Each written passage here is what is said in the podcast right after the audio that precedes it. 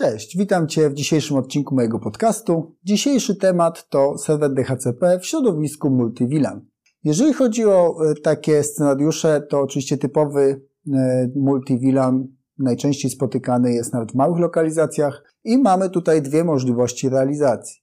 Czyli mamy możliwość uruchomienia sobie serwera DHCP na lokalnym routerze i serwowania odpowiedniej adresacji. Żeby podzielić takie środowisko multi-VLAN dla różnych zakresów adresacji, bo każdy VLAN będzie miał inną adresację IP, stosujemy DHCP Scope, czyli w konfiguracji routera najczęściej definiujemy, jakie zakresy adresacji IP będziemy przydzielać dla poszczególnych VLANów i dzięki temu mamy możliwość obsłużenia jednym serwerem DHCP różne VLANy z różną adresacją. Dodatkową opcją oczywiście jest możliwość wykluczenia danych adresów IP z danej puli, którą używamy. No i to jest taki typowy scenariusz małej sieci, gdzie wszystko mamy na jednym routerze. Jeżeli mamy więcej takich lokalizacji, mamy takich routerów i takich VLANów na setki, na dziesiątki, na tysiące, no to oczywiście taki model się zupełnie nie sprawdzi, bo jest nieskalowalny. Potrzebujemy wtedy jakiegoś serwera DHCP, który centralnie będzie obsługiwał wszystkie nasze zapytania, wszystkie lokalizacje i wszystkie VLANy w tych lokalizacjach. Jak to zrobić? No najczęściej e, widzę, że jest wykorzystywany serwer Microsoftu w ramach pakietu, e, który współpracuje z domeną i dzięki temu mamy możliwość obsługiwania centralnie wszystkich zakresów adresacji IP.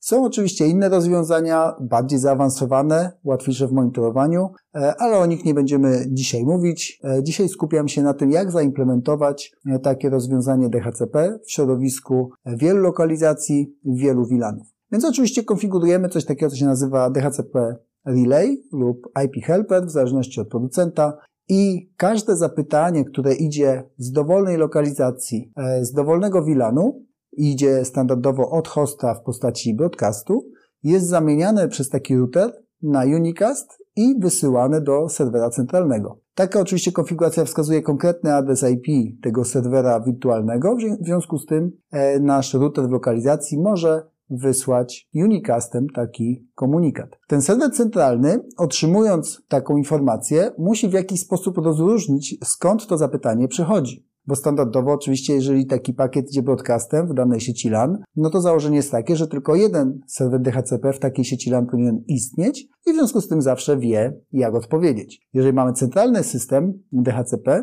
to dodatkowo jest potrzebna informacja załączona skąd to zapytanie przychodzi. I oczywiście stosuje się e, taką informację, jest to dodatkowa opcja w tym zapytaniu DHCP i w tej opcji jest informacja z jakiego interfejsu IP przychodzi to zapytanie. Czyli jeżeli mamy router w danej lokalizacji i on zamienia nam broadcast e, w formie, to, to, zapytanie DHCP w formie broadcastu na unicast, to w tym momencie dołącza opcję DHCP do tego pakietu e, wysyłanego centralnego serwera i w tej opcji jest informacja, z jakiego adresu IP interfejsu źródłowego przychodzi to zapytanie. Dzięki temu ten serwer e, centralny jest w stanie powiązać e, adresację, z jakiej puli IP ma przydzielić adres dla danego hosta. I to jest taki typowy scenariusz.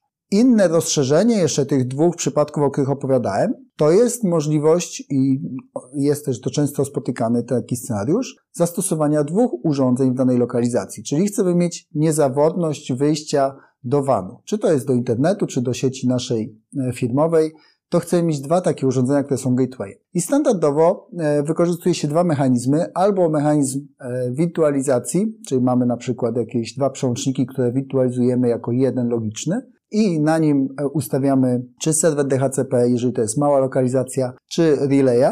I to jest prosty też scenariusz do realizacji. Natomiast najczęściej w małych lokalizacjach e, tutaj nie spotykam bardziej zaawansowanych urządzeń, które potrafią się stakować, tylko prostsze, tańsze, które mogą działać jedynie w oparciu o drugą możliwość, czyli o VRP. I tutaj w przypadku VRP nasz gateway jest reprezentowany przez wirtualny adres IP.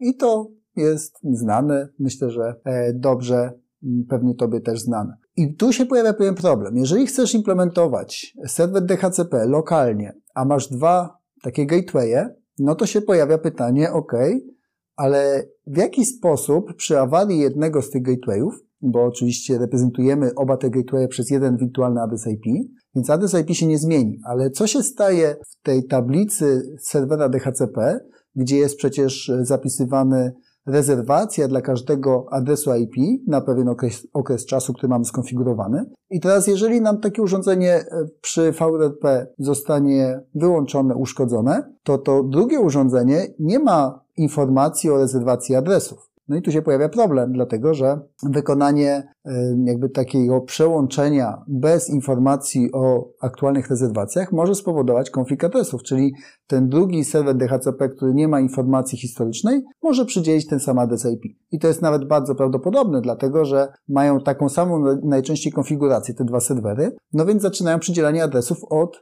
konkretnego tego samego adresu IP. Jest rozwiązanie na ten e, przypadek, też w zależności od producenta, ale można konfigurować lokalne serwery DHCP przy dwóch urządzeniach typu gateway z synchronizacją e, informacji pomiędzy nimi. Czyli e, każdy z serwerów ma informację o tej rezerwacji adresu, czyli list time dla każdego hosta, który w danej sieci funkcjonuje. To jest jedna możliwość. No i druga możliwość, która chyba jest częściej spotykana w, tak z mojego punktu widzenia i w projektach, które widzę, Czyli jeżeli już ktoś wykorzystuje dwa gatewaye, to idzie w stronę wykorzystania serwera DHCP centralnego. Czyli przypadek wcześniej opisany, który tutaj też bardzo pomaga, dlatego że jeżeli mamy dwa e, gatewaye, i one pracują w VRP, ale nie zachowują żadnej historycznej informacji o e, czasie rezerwacji dla serwera czy dla adresu IP hosta, no to nie ma problemu w przełączeniu. Czyli jeżeli ulegnie nam uszkodzeniu taki jeden gateway, drugi nadal będzie przesyłał wszystkie zapytania DHCP e, do centralnego serwera, a ten centralny serwer będzie miał informację historyczną o tej rezerwacji czasowej dla poszczególnych adresów IP.